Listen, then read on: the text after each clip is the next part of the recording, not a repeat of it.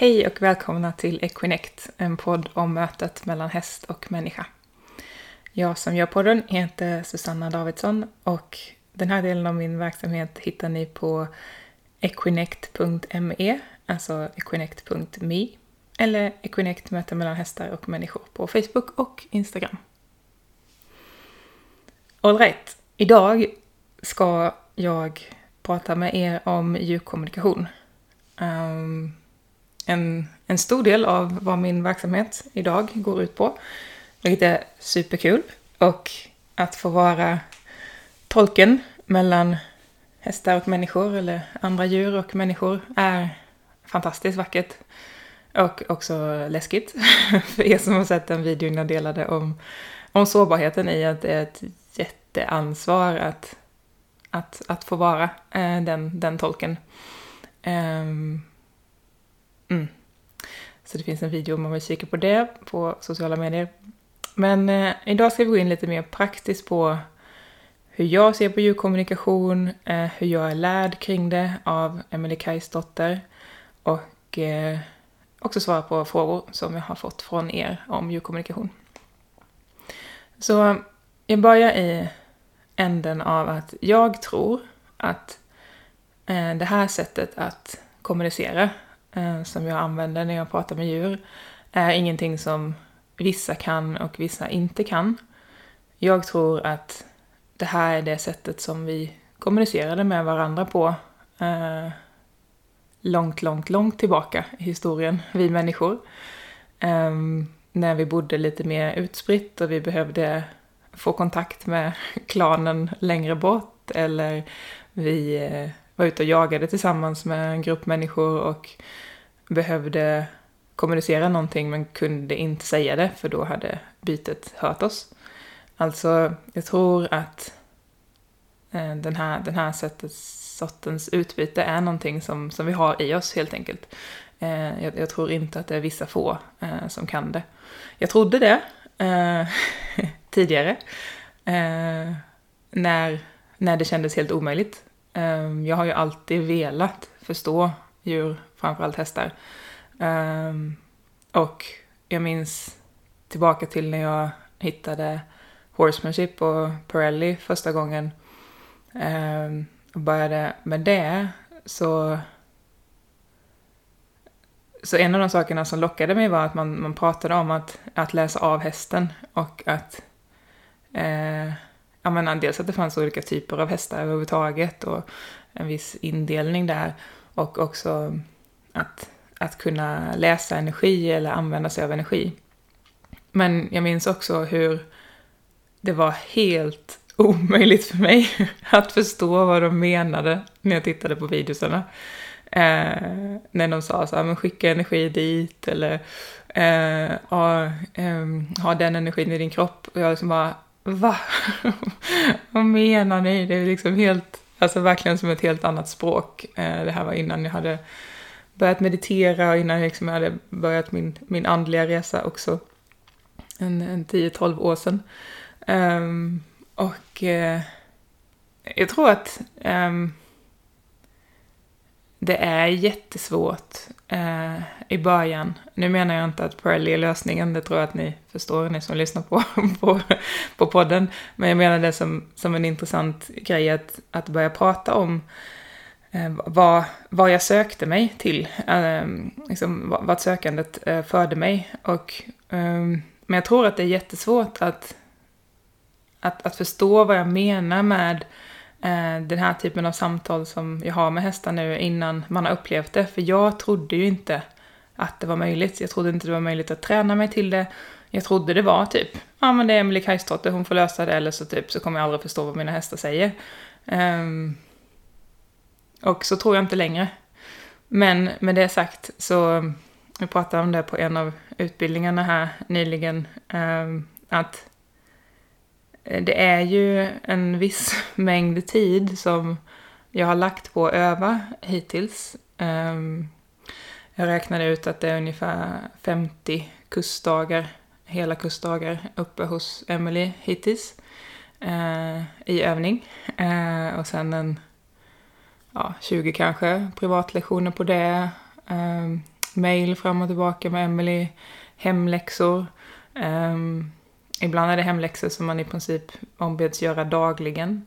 Eh, och, och vissa mer på veckobasis och det är inlämningar mellan var fjärde vecka då när vi har våra träffar. Eh, så det, de här tre åren som håller på att wrappas upp nu har ju varit eh, mycket övning.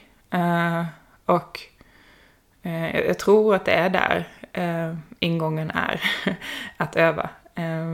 som sagt, Eh, en, men det är samma sak som om jag tänker på när jag gick en, en ridlärarutbildning och skulle lära mig att se eh, hältor till exempel, eller rörelsestörningar. Och jag, jag, kunde innan det titta på en häst och bara så här, jag förstår inte ens hur jag ska titta. Alltså det är liksom bara så många olika saker som rör sig här, hur ska jag ens kunna urskilja någonting? Um, och sen den instruktören liksom lät oss bryta ner det i jättesmå delar. Till exempel, ja, men nu på den här filmen så kollar vi bara på kotorna och så ser vi eh, hur mycket eh, vikt läggs på kotorna fram, hur mycket vikt läggs på kotorna bak. Så tittar vi bara på det. Och sen nästa vecka eller nästa lektion så tittade vi bara på bäckenet till exempel. Eller så tittade vi bara på vad det nu var. Eh, och sen helt plötsligt en dag så kunde jag liksom se flera saker samtidigt. Jag tänker att det är samma här, att det är ju helt överväldigande mycket att filtrera eller hålla reda på i början. Uh, och, och det blir nog lätt att man känner att det blir överväldigande och svårt och det funkar inte. Liksom. Uh, men jag tror att man, man verkligen behöver ge sig tid och ja, men också få någon som guidar en i det. Det är ju svårt annars tror jag och det är också svårt att lita på det. Det är väl en av de sakerna som som fortfarande kan vara utmanande för mig att, att tro på det eh, som jag får upp. Eh, oavsett om det är en, en kunds häst eller mina egna hästar. Och jag tror att de sammanhangen när vi möts och får möta likasinnade sinnade och inte behöver vara the odd one out hela tiden. Eh, jag tror de är jätteviktiga också för att, att våga tro på att den här delen av världen finns och den här sortens kommunikation finns. Um, Tillbaka till hur, hur man lär sig, så jag tror att vägen till den här typen av eh, kommunikation sitter inte i, i skallen, liksom rent intellektuellt mentalt, eh, utan den sitter i, i hela vår intelligens. Eh, så att jag tror att vi behöver ner i kroppen. Eh, vi behöver vara närvarande i stunden eh, och därför lägger jag jättestor vikt på kurserna här, både både de på plats här med mig och hästarna och också onlinekurserna i att vara i kroppen. Eh, att börja med att våga möta och få verktyg för att möta sina känslor. Ehm, så att vi får liksom en, en rensning rent känslomässigt för att det är så mycket som ligger i vägen annars. Och jag tror att vi behöver bli så tomma som möjligt. Eh, att att det inte är massa av våra egna grejer som flyter runt i systemet. Eh, eller om det är det, att vi är väldigt medvetna om vad är det jag tar med mig in i det här mötet nu? Vad pågår i mig just nu? Eh, så det är en, en sak jag gör ofta och lär ut, att ha en stund själv först som en incheckning med dig själv. Vad, vad pågår i mig just nu? Eh, vilka känslor har jag? Eh, hur känns min kropp? Har jag ont någonstans? Eh, ja, vad, vad mer är aktuellt för mig just nu? Vad snurrar i skallen? Så att vi har en bild av det här, det här kommer jag in med i samtalet. Ehm, för då får vi lättare sen att skilja på, men vänta nu, var det här mitt? Hade jag redan ont i vänsterhöften? Eh, och så fick jag det efter en stund igen. Mm, men då kanske inte det var hästens onda, då kanske det var mitt. Eh, och så vidare. Eller gick jag in i mötet med en stor sorg och sen började jag tänka på någonting som gjorde mig jätteledsen. Var det verkligen mitt minne då eller hästens och så vidare. Man får lättare att kunna börja nysta i det där. Så, så självkännedom, det är därför också kurserna heter ju kommunikation och personlig utveckling. De, de går så väldigt mycket hand i hand. Uh, och om jag ser till de övningar vi får hos Emily så om jag höftar så, så kanske 70% av frågeställningarna handlar om oss och 30% om hästen. Eh, för det, det, är verkligen så, det är också så den kursen är uppbyggd där, att, att, eh, att hästarna finns där som, ja, som andliga vägvisare, som, som, som terapeuter och coacher. Eh, och sen också att vi finns där och, och, och lär oss av dem hur vi ska kunna Eh, assistera hästar också såklart. Men, men stor pusselbit, oss själva, verkligen. Eh, så jag tror att man har en, en fördel om man har gjort någon form av inre arbete innan, eh, självkännedomsarbete, eller, eller meditera, eller medveten närvaro, eller mindfulness, eller någon, någon form av sån practice som man kan gå tillbaka till. Mm. Um, och sen tänker jag också att, eller jag, jag tycker att det är lättare att få kontakt med hästar som är vana vid att bli lyssnade på. Um, jag, jag, kan märka relativt stor skillnad på, på olika hästar jag möter, både IRL och, och på distans i samtal. Uh, vissa i princip direkt när kontakt etableras börjar prata på om väldigt mycket saker. Eh, och och vissa är ganska så svåra att fånga upp eller liksom kanske skeptiska till att bli mötta så. Um, så det tänker jag också kan vara en fördel ifall man ska börja öva själv, att, att öva på hästar som, eh, som är vana vid att bli lyssnade på. Kanske inte åka till en random ridskola, uh, utan se ifall uh, ja, man, man har tillgång till hästar som, som är i den här typen av möten ofta. Eh, och där får man också eh, gärna eh, på distans se om man kan prata med hästarna här. De är definitivt tillgängliga för, för övningssamtal. Eh, särskilt Arrow i alla fall. Ehm, mm. Så eh, det sättet att kommunicera med hästar som Emily lär ut och som, som jag praktiserar och, och lär ut är ett, ett sätt där man liksom delar medvetande med den andra. Eh, det är lite som man kan säga som att man, man tillfälligt blir den andra, eller får låna den andras upplevelse. Eh, jag ska också bara säga att allt jag säger som jag har fått från Emily här är ju tolkat genom mig, så jag kan ju definitivt ha gjort min egen tolkning av det, men så som jag tolkar det är det så här. och eh, den typen av kommunikation är häftig för att det blir liksom inte den den, den formen av telepati kanske som, som vi hade vanligen tänkt där eh, jag ändå behöver tänka ut en tanke och sen behöver jag skicka den till den andra och så behöver den uppfatta tanken och sen behöver du skicka tanken tillbaka. Eh, utan istället blir det att tillfälligt så får vi så får jag dela kropp med den andra, jag får dela hjärta med den andra, jag får dela sinne med den andra. Um, vilket betyder att att kommunikationen går eh, supersnabbt. Um, det, det, kan ofta vara så att jag överhuvudtaget tänker en, en fråga och innan jag ens har tänkt färdigt frågan eller tanken uh, så har jag svaret i mig. Och det kan ju lätt kännas konstigt och förvirrande och då kanske man tror att man hittar på Eh, för att sådär snabbt kan det väl inte gå. Men jo, har man den typen av ihopkoppling så kan det definitivt gå så snabbt för bara frågan finns i ditt medvetande så betyder det att frågan också finns i hästens medvetande om ni delar space. Eh, och då kan också svaret uppstå samtidigt som frågan uppstår i princip. Eh, och jag tycker att det är ett sätt som, som jag till och med kan, kan göra mig lite säkrare på att det här nog kommer från hästen för att jag inte hade hunnit tänka ut det så snabbt.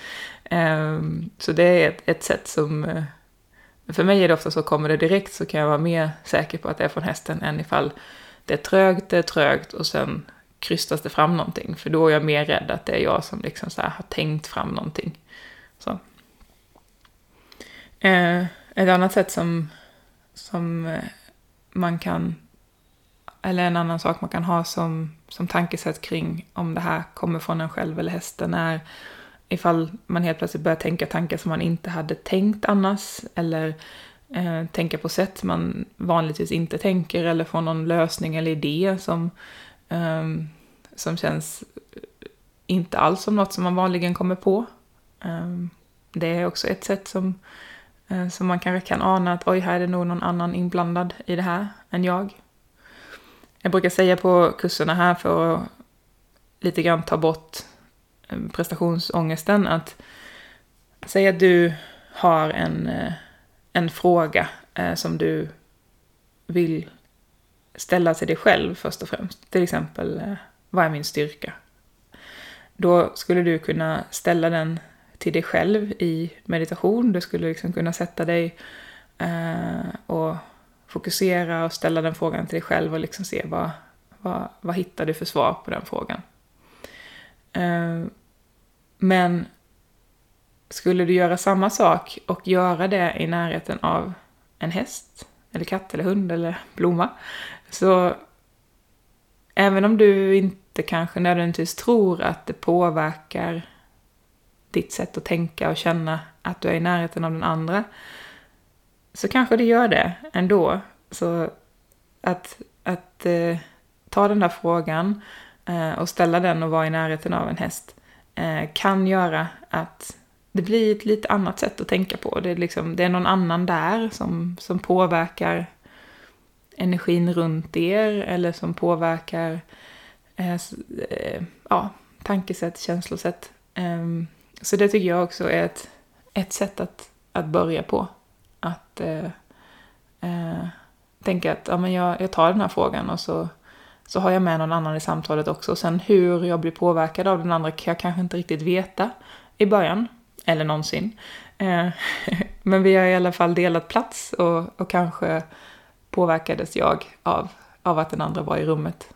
Och rummet då menar jag kan också vara ute. Och det leder oss också lite grann in på att när vi är i det här sättet, um, när vi är i det här, um, vad ska jag säga, i det här tillståndet, uh, så, så blir det ju på ett sätt som att vi öppnar upp för kontakt, kommunikation med alltet och alla. Så jag tror att det egentligen är ganska omöjligt att veta varifrån vi får vissa tankar, idéer, känslor. Det skulle kunna vara från oss själva. Det skulle kunna vara från platsen eller träd i närheten. Det skulle kunna vara från hästen. Um, och här kan man ju bli ganska, ganska andlig eller filosofisk i att ja, har, har vi ens olika medvetanden fullt ut eller är vi eh, del av samma? och så vidare. Men bara att, att öppna upp den, den tanken också att just det, även när jag går runt i min vanliga bubbla eh, hemma eller i stallet och jag går där och mockar och jag tänker någonting. Även då kanske jag inte ens kan vara säker på att det var min idé från början. Det kanske var någon annan som såg till att jag började tänka eh, på det. Det där var ett av de första praktiska exemplen som mm, som fick mig att börja förstå att kommunikation skedde. Ehm, jag minns eh, en gång eh, när jag nyss hade köpt depåerna och eh, jag vid den tiden inte var så duktig på att eh, kolla hennes hovar dagligen. Eh, det är jag väl kanske inte längre, eller det är jag kanske inte fortfarande heller. Men, eh, och eh, jag stod med henne i boxen och jag bara plötsligt började tänka på hennes ena bakhov. Eh, av någon oförklarlig anledning. Så då gick jag bak och eh, kollade och då hade skorna eh, hamnat snett och gjorde säkert ont. Eh, så en sån, sån grej, liksom så hmm, var, varför fick jag den här idén nu? Varför fick jag idén om att vi skulle rida dit och inte dit? Eller varför fick jag idén om att vi skulle ta barbackapadden idag istället för sadel? Eller varför, varför började jag tänka på att eh, hästen kanske ville gå dit eller äta det här eller vad det nu kan vara. Eh, det där skulle också kunna vara eh, kommunikation. Jag fick en fråga om, om skillnaden på vardagskommunikation och djupa samtal. Och jag, jag, tror att när det gäller våra egna hästar eller hästarna vi delar liv med så händer det så sjukt mycket kommunikation som vi inte förstår händer. Eh, tänker ni som lyssnar på avsnittet med, med Ina om högkänslighet till exempel. Så här, när, när hästen så här, tar med en och visar en saker eller alltså så mycket eh, sånt som händer som vi nog inte förstår är eh, är från hästen. Um, och jag, jag tror att vi kan märka ganska stor skillnad på, på, på de mötena i att vi nog inte noterar vardagskommunikationen så mycket, utan vi, vi kanske har lättare att tänka för att det är de där stora, djupa, känslosamma sakerna som räknas. Uh, och jag tänker att båda är lika viktiga. Uh, det är bara kanske lättare att, uh, att känna så här, wow, vilken grej, när, eh, när det är någonting djupt jämfört med att ah, jag skulle kolla hoven. liksom. Men för hästen sannolikt precis lika viktigt. Mm. När hästar kommunicerar med oss så verkar det som att de kan välja den ingång som är lätt för oss att förstå. Eh, är det en person som är någon form av kroppsterapeut till exempel så, så kommer personen sannolikt känna rätt mycket av vad hästens kropp känner. Eh, jag som jobbar rätt mycket med känslor och, och kroppen eh, kan, kan ofta få in det lättast, känslor eller kroppsgrejer. Är man en person som, eller det börjar där i alla fall, för det är liksom en lättare kontaktyta, verkar det som. Eh, men det skulle lika gärna kunna vara en sång, en ton, en, en, en bild, eh, en rörelse. Så. Ehm, det sägs ju att, att hästar tänker i bilder. Eh, och det gör säkert många. Men jag gissar att det också varierar där. Det, det vet vi väl ganska lite om. Så, att, så att hästars kommunikation med oss eh, tycker jag också verkar som att den varierar. Alltså olika hästar har säkert olika sätt att eh, nå fram till en. Eh, alternativt så kanske det är så att samma häst når fram till en på olika sätt, olika dagar för att vi är på olika sätt. Jag vet inte. Eh, där tänker jag igen att det blir viktigt att vi försöker vara så öppna som möjligt för att kommunikation sker på väldigt många olika sätt. Eh, det kan vara att vi hör någonting jättetydligt inne i skallen. Men det kan som sagt lika gärna vara att vi plötsligt börjar tänka på någonting. Eh, eller bara liksom väljer någonting annorlunda utan att riktigt veta varför vi valde det. Eh, så ja, kommunikation eh, kan ske på många olika sätt. En annan sak som jag tycker är jättehäftig angående det här med djurkommunikation är hur olika människor kan eh, spegla olika saker i hästarna. Ehm, någonting som jag varit inne på flera gånger och som verkligen har berikat hästarnas liv här sen vi började hålla kurser här, hästarna och jag. Att tack vare att det kommer människor som har sin unika historia med sina unika erfarenheter så hittar de beröringspunkter med hästarna här som inte jag hade kunnat hitta. Eh, vilket också gör att de kan tillsammans eh, nå andra former av utveckling eller läkning.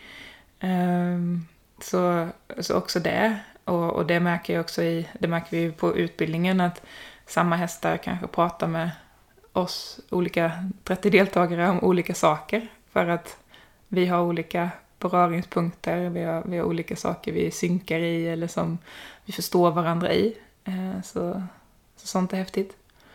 En, en stor gåva att, att förstå att den, den just jag är gör att eh, hästen kan bearbeta sånt som den annars inte hade kunnat.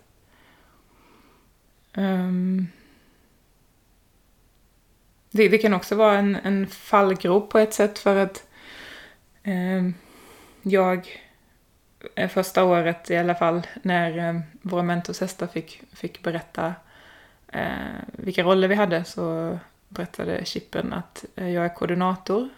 Eh, och eh, ett, ett halvår senare eller någonting eh, så pratade jag med Emelie om att men jag är inte säker på att jag fattar riktigt vad, vad en koordinator är. För det känns som att jag träffar typ aldrig koordinatorer när jag är ute och pratar med hästar. Jag förstår inte. Eh, och så sa Emelie, men är inte du koordinator? Jag bara, jo. Eh, hon bara, ja men det kan vara så då att de är liksom inte koordinator i förhållande till dig. För du kommer in och är liksom så här superkoordinator och då blir det så här, men just nu behöver jag inte vara koordinator, nu kan jag ta en annan roll. Jaha. så att ja, det är ju som jag pratat om i flock, eh, flocken avsnittet, så allt är dynamiskt och, och det där kan man också behöva vara uppmärksam på. Um, och på tal om det så märker jag också att i ingången till mötet med olika typer av hästar så, så kan det ibland behövas att jag anpassar um, eller att jag möter dem på olika sätt. Uh, Eh, vissa försvarare till exempel vill inte alls börja prata med mig innan jag har delat med mig av vad som är jobbigt för mig just då.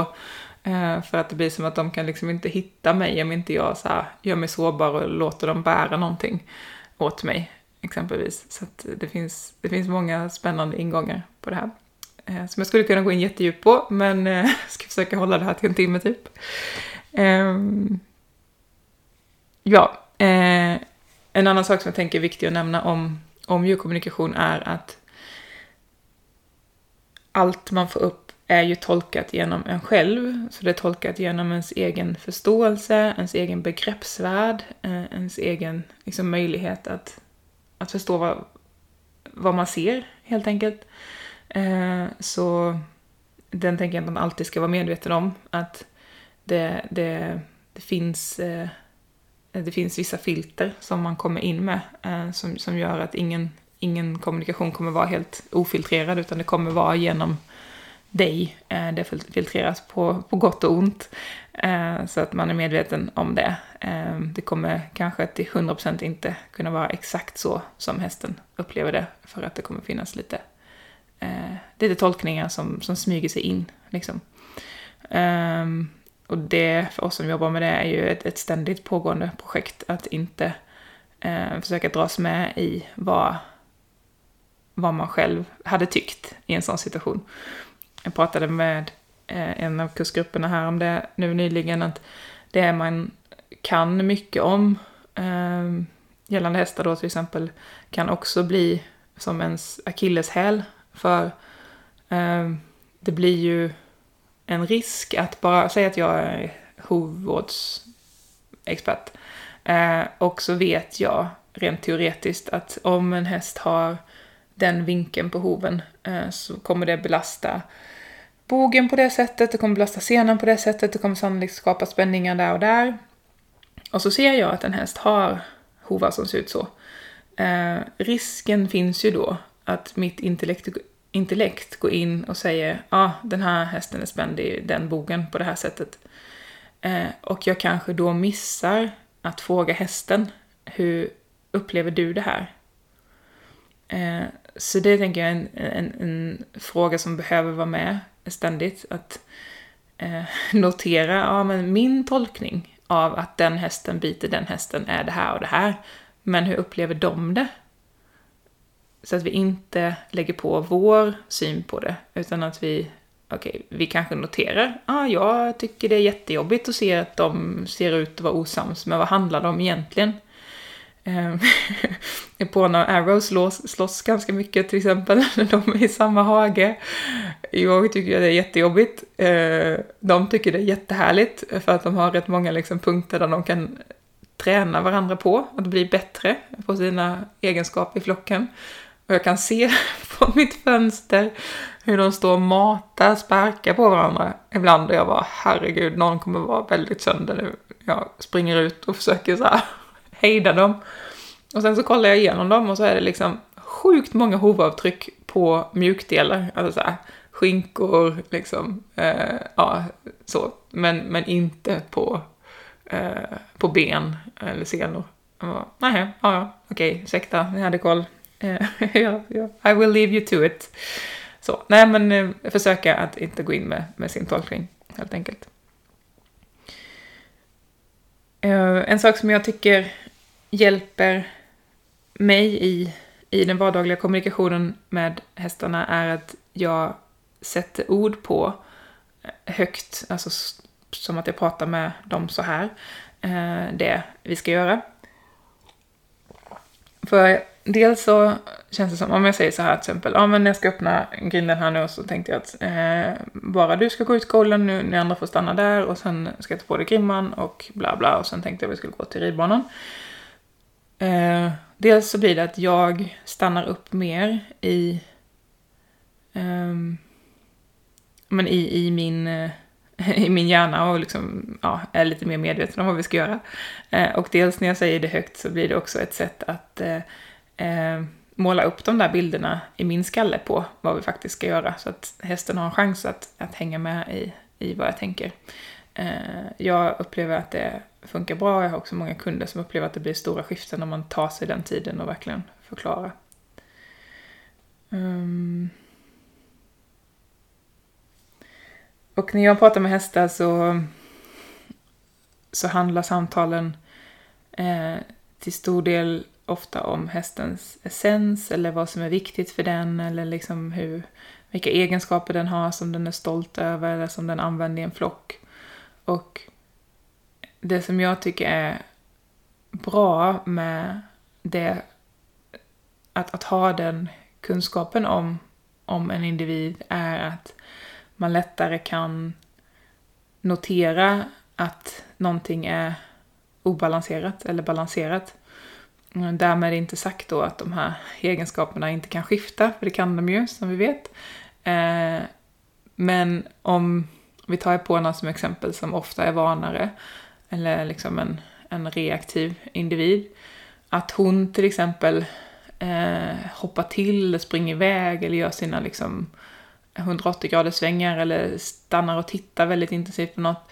Det är ju inte obalanserat eh, för hennes roll. Eh, det skulle vara mer obalanserat om hon inte gjorde det. Men däremot Golden som oftare är fredsmäklare och i den viben, om han skulle börja göra sånt, då skulle jag kunna vara så oj shit, hur mår, hur mår du, vad, vad händer, vad, vad pågår här?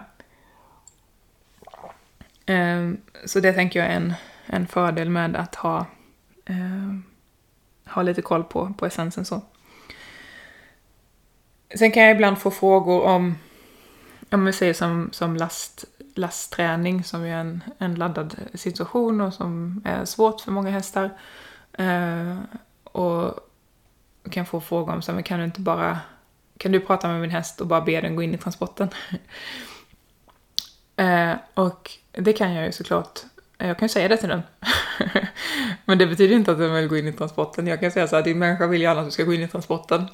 Eh, men, men det är inte så att hästen kommer gå in i transporten för det. Eh, det hade förutsatt att hästen är liksom ett tomt blad eller liksom som inte har några egna erfarenheter eller åsikter eller minnen. Eh, så. Eh, så, så, den, så upplever jag inte att det funkar. Eh, men vad jag kan göra är att jag kan fråga hästen hur den upplever eh, transporten. Eh, och ifall den själv har några förslag på hur det skulle kunna bli enklare för den att åka. Ehm, jag vet att många av er läste ett inlägg jag gjorde för någon vecka sedan om en, en ung häst som höll på att lastas eh, och inte ville gå på eh, för att hon var rädd och dåligt förberedd eh, och, och människorna stod och var dumma mot henne. Ehm, och jag kan ju inte gå in i en sån situation och, och säga till hästen att nu behöver du gå på, liksom, för att det, det handlade liksom inte om det. Men, men däremot i en sån situation så kan jag ju gå dit och vara en, en lugn individ eh, som ser hästen och som ser på hästen med empati och som ser på de andra människorna med empati och försöker liksom lugna situationen och också förklara för hästen vad, vad människan förväntar sig av henne, för det hade hon inte förstått i den situationen. Hon tyckte bara det var jätteförvirrande. Och i det här fallet så gjorde det att hästen gick in. Eh, det kommer du inte alltid göra, eh, men eh, det, just det där att ja, se vad, vad handlar det här om och vad, vad handlar det här om för hästen. Eh, det är ju där man kan eh, verkligen använda djurkommunikationen och, och förhoppningsvis sen kunna göra skiften. Liksom. Eh, lite fler frågor här. Eh, här är några som jag läser upp i ett svep. Eh, så frågorna är hur gör du rent praktiskt när du går in i ett samtal med en häst? Går du in i meditation? Förbereder du dig på något annat sätt? Har, har du ögonen öppna eller stängda? Frågar du flera specifika frågor eller ställer du bara en öppen fråga som har du något du vill dela med dig av? Eh, nu, eh, rent praktiskt, när jag går in i ett samtal med en häst som jag har framför mig så tar jag kanske en, en minut eller två och gör den där incheckningen med mig själv. Eh, gör den där andningen som eh, jag har pratat om och som jag lär ut och som kommer från Emelies hästar om att andas in och känna, andas ut och släppa. Så att jag liksom landar, uh, checkar in med mig själv och sen börjar liksom samtalet. sen kommer det också en fråga av hur gjorde du i början när du höll på att lära dig? och då var det ju längre, Eh, vad ska jag säga, det tog längre tid att få kontakt. Eh, då kanske jag oftare behövde gå in i en eh, djupare meditation. Då behövde jag oftare eh, sitta och liksom eh, ha ögonen stängda och verkligen vara i, i kontakten med hästen. Eh, nu, om jag har hästen framför mig så, alltså om jag är på samma plats som hästen, så är det ofta så att jag, jag har min sån här hälsningsfrasritual som jag nog också pratat om i podden här för mig. Eh, och, och sen började, så ibland kommer liksom bara information utan att jag ens har hunnit ställa frågor och ibland ställer jag frågor. Och nu för tiden så kan jag liksom stå och skriva och samtalet pågår samtidigt. I början så behövde jag blunda, känna in, öppna ögonen, skriva ner, blunda, känna in, öppna ögonen, skriva ner. Eh, och så fick det hålla på ett tag. Liksom. Och så kan det fortfarande vara ibland för mig nu. Och ibland kan det ta tio minuter, en kvart eh, att, att komma in i mode. Och är jag då ute hos en kundhäst så kan jag ju hinna få panik ett antal gånger under den perioden såklart för att jag har en begränsad med tid som jag ska vara där. Eh, och när det... Eh, och, och, då får jag ju prata med hästen om det. Så men nu känner jag massa prestationsångest här och bla bla. och sen brukar det bli lättare om jag väl då berättar vad som är för mig. Um, och när jag pratar med hästar på distans är det lite svårare för att då, då behöver jag lita mer på mig själv. Då får jag ju liksom ingen feedback från hästen i stunden så jag kan ju inte se på hästen liksom att ja, men nu är den jättefokuserad på det här samtalet eller nu släppte den det här eller sådär. Jag kan liksom inte få, få den bekräftelsen. Eh, så då när jag har distanssamtal eh, så behöver jag oftast ha förberett mig mer, liksom tagit hand om mig mer kanske mediterat själv innan eller gjort någon, någon form av liksom ritual. Ehm, jag brukar sätta mig ibland och läsa i en bok som vi har som kurslitteratur hos Emily, Tao Te Ching, med, med vackra och tänkvärda visdomsord.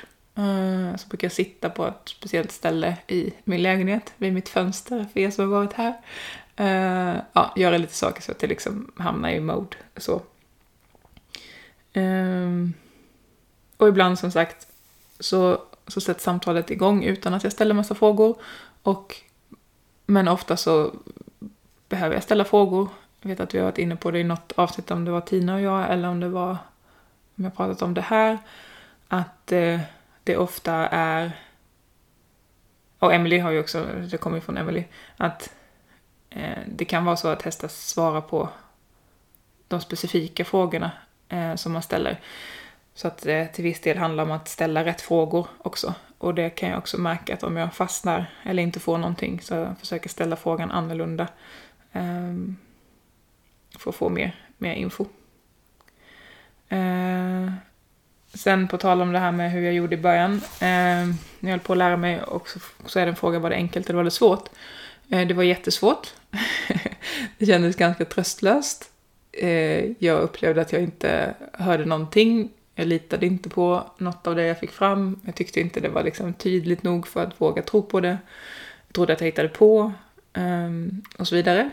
så det var jättesvårt.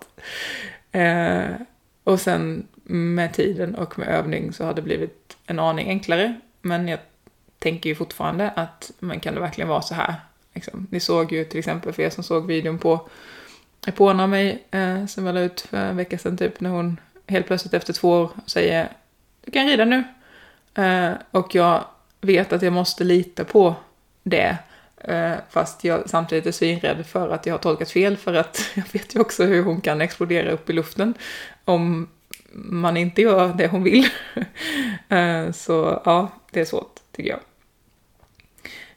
sen fråga, när var första gången du hörde en häst? Hur många gånger hade du tränat då? hur hade du tränat? Första gången som jag minns i alla fall att jag hörde en häst var när min häst Timja var det inte, Trolla. De går lite in i varandra för de var liksom lite samma eh, som har följt oss. Eh, och eh, Trolla skulle avlivas och hon hade haft fysiska problem alltid. Hon var kallblodstravare.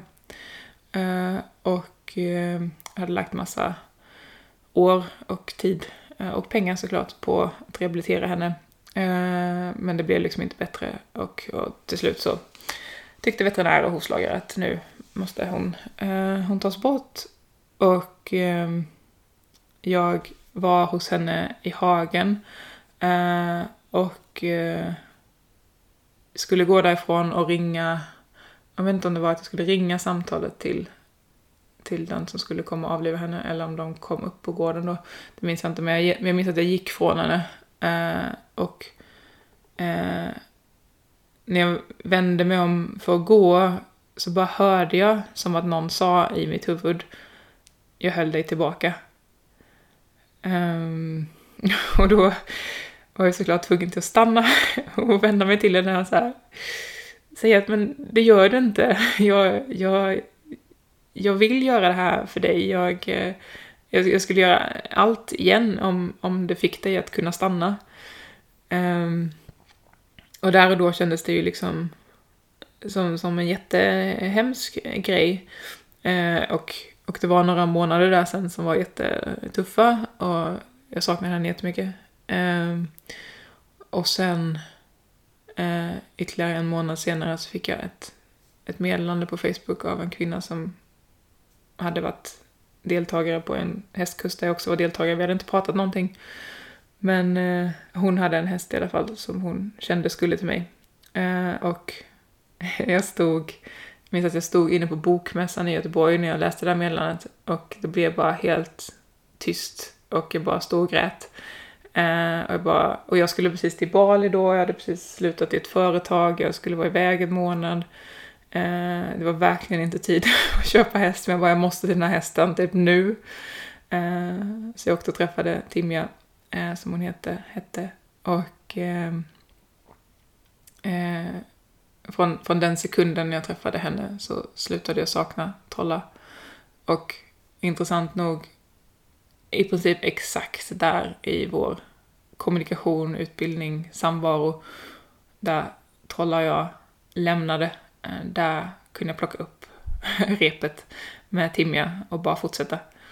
Ehm, och jag förstod sen eh, att eftersom Trolla inte kunde bli bättre, hon visste att hon inte... Eh, att, det inte att det inte skulle läka. Eh, och, och jag förstod sen hur mycket jag lärde mig av, av att ha Timja som inte hade kroppsliga problem. Ehm, så, så, så, var det så att det höll mig tillbaka. Um, även om jag gladeligen blev hållen tillbaka. Så från ett större perspektiv så, så var det skiftet uh, rätt. Uh, men där hörde jag det uh, första gången. Uh, jag tror inte jag hade gjort någonting då direkt. Jag ja, hade läst någon av Emelies böcker. Det här är ju ja, åtta år sedan kanske. Eh, säkert läst någon bok om djurkommunikation. Men typ inte gjort något annat. Nyss börjat meditera och så. Ehm. Mm. Ja, och slutligen för att eh, wrap this up så också ett tema vi har pratat om tidigare men som tål att upprepas. Att för hästarna så är differensen, alltså skillnaden mellan hur det var innan och hur det blev, det som är viktigt. Det är inte viktigt för dem att det blir perfekt. Det är inte viktigt för dem att du hör dem varje gång. Det är inte viktigt för, för liksom, eller inte som att det inte är viktigt, men det är, det är inte där, eh, det är inte det de kräver liksom. Eh, för dem blir det en jätteskillnad eh, att du försöker. Eh, det blir en jätteskillnad att du lyssnar på det här poddavsnittet. det blir en jätteskillnad att du börjar tänka så här. Även om du tänker att ah, ja, kul att hon kan, men jag kan inte. Eh, du kanske inte ens tänker kul att hon kan, du kanske tänker andra tankar om det. Men att du är öppen och, och tänker att kanske är det här sant? Kanske är den här världen sann? Kanske inte. Liksom bara där eh, händer det saker.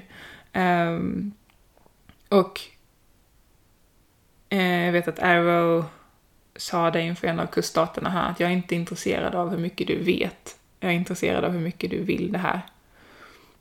Eh, och det tänker jag kanske kan vara någon form av tröst när man står där och famlar och tycker att man inte hör. Att, att, att man försöker är så sjukt stor del av det. Um, och if everything else fails, att, att man står där och övar på att känna empati. Empati inför hästen, empati inför sig själv för att man försöker. Och som i den här lastningssituationen, liksom att, att förstå hur mycket det skiftar eh, i, att, i att någon verkligen blir sedd. Um, på en av de senaste kustdagarna här så stod jag och tittade på ett jättefint känslosamt möte mellan två individer vars vägar man skulle vilja skulle kunna få fortsätta tillsammans, men det kommer sannolikt inte bli så. Men både människan och hästen var så i mötet. Eh, de höll inte tillbaka, fast framtiden eh, var oviss och de älskade verkligen varandra med ett vidöppet hjärta. Och jag stod där själv och grät när jag såg på eh, och såg det här mötet. Och, och så hörde jag hästen säga att det är värt det. Även om vi bara får en sekund. Eh, även om, om det här är en sekund av att bli sedd fullt ut och älskad fullt ut, då är det värt det. Eh, för jag kommer alltid bära det med mig. Och man blir inte samma efter ett sånt möte. Den förändringen, den är för alltid. Även om våra vägar inte alltid kommer följas åt. Så med det sagt, ju mer vi kan vara med hästen, se hästen, känna hästen, känna våra känslor. Eh, det är så mycket som skiftar. Och det är också kommunikation. Även om man inte nödvändigtvis hör liksom, ord i skallen så, så, så gemensamma möten, alltså känslan att det, det hände nog någonting här. Jag vet inte ens vad det var som hände, men det hände nog någonting. Det är också kommunikation. Och det bidrar också till skiften. Så... Mm. Ut och känn. Eh, mm. Och öva. Om ni vill. Eh, vill ni veta mer om, om min verksamhet så hittar ni den på Equinect, möte mellan hästar och människor som sagt. Eh, och uh, där finns också våra onlinekurser i kommunikation. Hör din häst. och där kommer också info om nya kurser här. Nu är kurserna i höst fulla och igång, men det blir ju nya kurser efter årsskiftet. Så där kommer det upp info också på Facebook om, om dem, om man vill veta mer. Tack så mycket för att ni lyssnar.